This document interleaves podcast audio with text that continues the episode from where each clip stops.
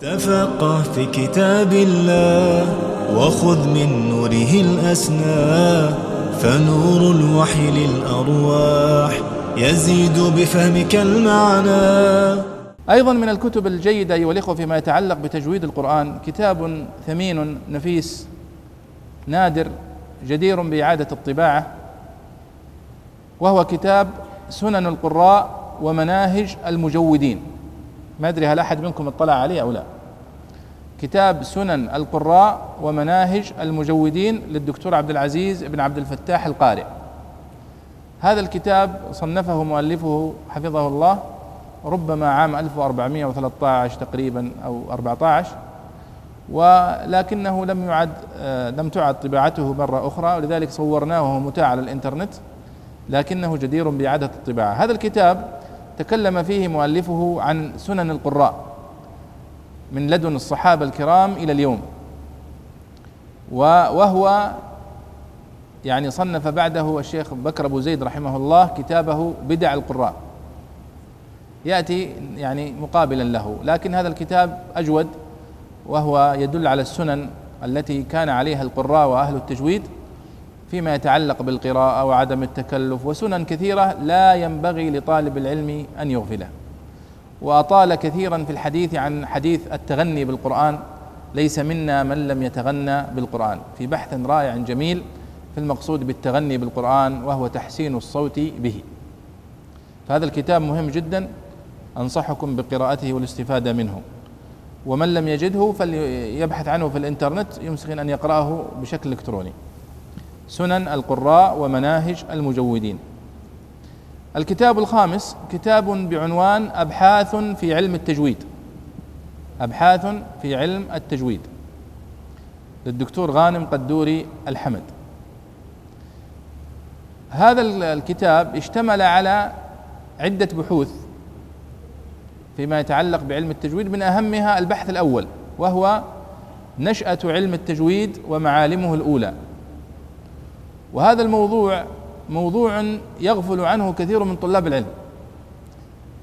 إذا تكلم عن التجويد يدخل مباشرة في الإظهار وأحرف الإظهار والإدغام وكذا ولكنه لا يعرف مع تطاول الأيام والسنين كيف نشأ علم التجويد ومن هو أول من كتب فيه وكيف سلك العلماء هذه المنهجيات وغيرها حتى وصلت الكتب إلى ما نحن عليه. ولذلك بعض طلاب العلم يدخل ويدرس كتاب البرهان في تجويد القرآن للشيخ محمد الصادق قمحاوي ويموت ولا يظن أن التجويد هو فقط هذا الكتاب.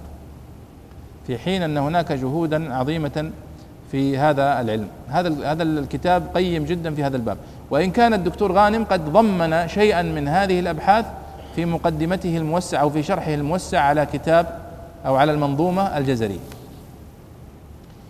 آخر الكتب في التجويد يعني التي أنصح بها هنا الكتاب السادس كتاب حديث الصدور ولكنه قيم جدا تجويد اللفظ في قراءة القرآن الكريم تجويد اللفظ في قراءة القرآن الكريم في القرون الخمسة الأولى. للباحث حسين بن سعد المطيري. الباحث حسين بن سعد المطيري له كتاب وهو رسالة ماجستير تجويد اللفظ في قراءة القرآن الكريم في القرون الخمسة الأولى وهو يباع الكتاب في المكتبات الآن وهو من إصدار كرسي تعليم القرآن الكريم وإقرائه بجامعة الملك سعود. تكلم في كتابه هذا عن المقصود بالتجويد ونشأته من أيام الصحابة ثم جمع الآثار والروايات والأقوال التي حفظت عن القراء الأول في عهد الصحابة والتابعين ومن أتباع التابعين حتى القرن الخامس. لأن أول كتب التجويد المعروفة اليوم هي كتاب الرعاية في تجويد القراءة لمكي بن أبي طالب القيسي رحمه الله وهو متوفى سنة 437 وكتاب التحديد في الإتقان والتجويد لأبي عمرو الداني المتوفى سنة 444 طبعا قبلها منظومة الخاقاني المتوفى 325 يا من يريد تلاوة القرآن لكن هي مختصرة طبعا وتعتبر بدايات أولى. لكن أول كتابين كتاب مكي بن أبي طالب وأبي عمرو الداني ثم تتالت الكتب بعد ذلك كتاب التمهيد لأبي العلاء الهمذاني العطار وكتاب آه، يعني غيرها من الكتب حتى وصلنا إلى الجزرية في القرون المتأخرة ثم إلى الكتب المعاصرة.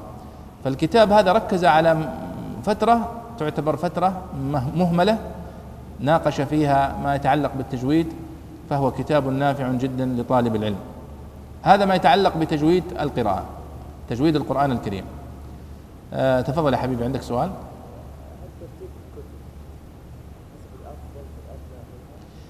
نعم أحسنت سؤال مهم. آه طبعا شوفوا الآن بالنسبة للتجويد طبعا دائما يقولون يعني رتبون الكتب على حسب المستويات وإلى آخره. نعم هو على هذا النحو أنا يعني أسير الآن. لكن بالنسبة للتجويد أيها الإخوة المتقدم والمتأخر لا يستغني عنه. فطالب العلم في أول دراسته يحتاجه. والعالم الجليل عضو هيئة كبار العلماء ولا مهما كان يحتاجه أيضا. فهذه الكتب التي ذكرتها لكم الجزرية هي تصلح للمتقدم وللمنتهي ويراجعها بين الحين والآخر لا يستغني عنها ينظر فيها حتى حتى يلقى الله سبحانه وتعالى. فالتجويد الميسر آه، الشرح الوجيز على المقدمة الجزرية شرح المقدمة الجزرية. لا شك أن الشرح الموسع على المقدمة الجزرية لا يصلح إلا للمنتهي وطالب العلم المتخصص الذي يريد أن يعرف تفاصيل في هذا. بقية الأبحاث فهي أبحاث لطالب العلم المتخصص. وأنا أحسب أيها الإخوة وهذه لفتة تحسب للإخوة في هذه الدورة العلمية المتخصصة أن طالب العلم المتخصص أيضا يريد بعض الكتب الثمينة النادرة التي يوصيه بها المتخصصون وأصحاب الخبرة. فإن هذا أيها الإخوة يقتصد على طالب العلم وقته وعمره.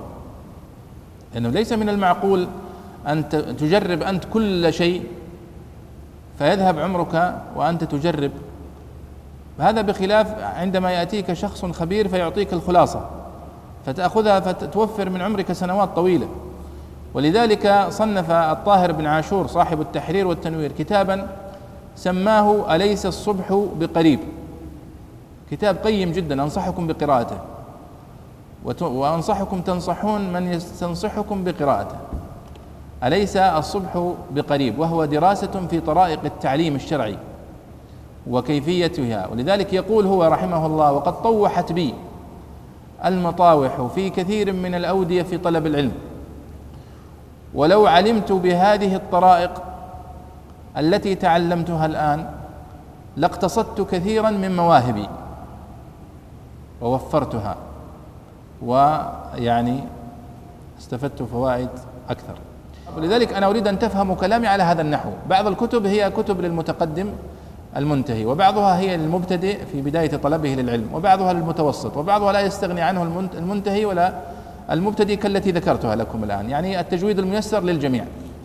يقرأه المنتهي. حتى المتقدم في طلب العلم الحافظ الكبير لا بد له أن يراجع بين الحين والآخر هذه الكتب التي تناولت هذه العلوم حتى يكون دائما على ذكر منها. فإنه لا يوجد أحد أيها الإخوة يقرأ كتابا ثم لا يعود إليه آه، حياته إلا الكتب التي ليست من الأصول وليست من المهمات وليس منها شيء من هذه القائمة.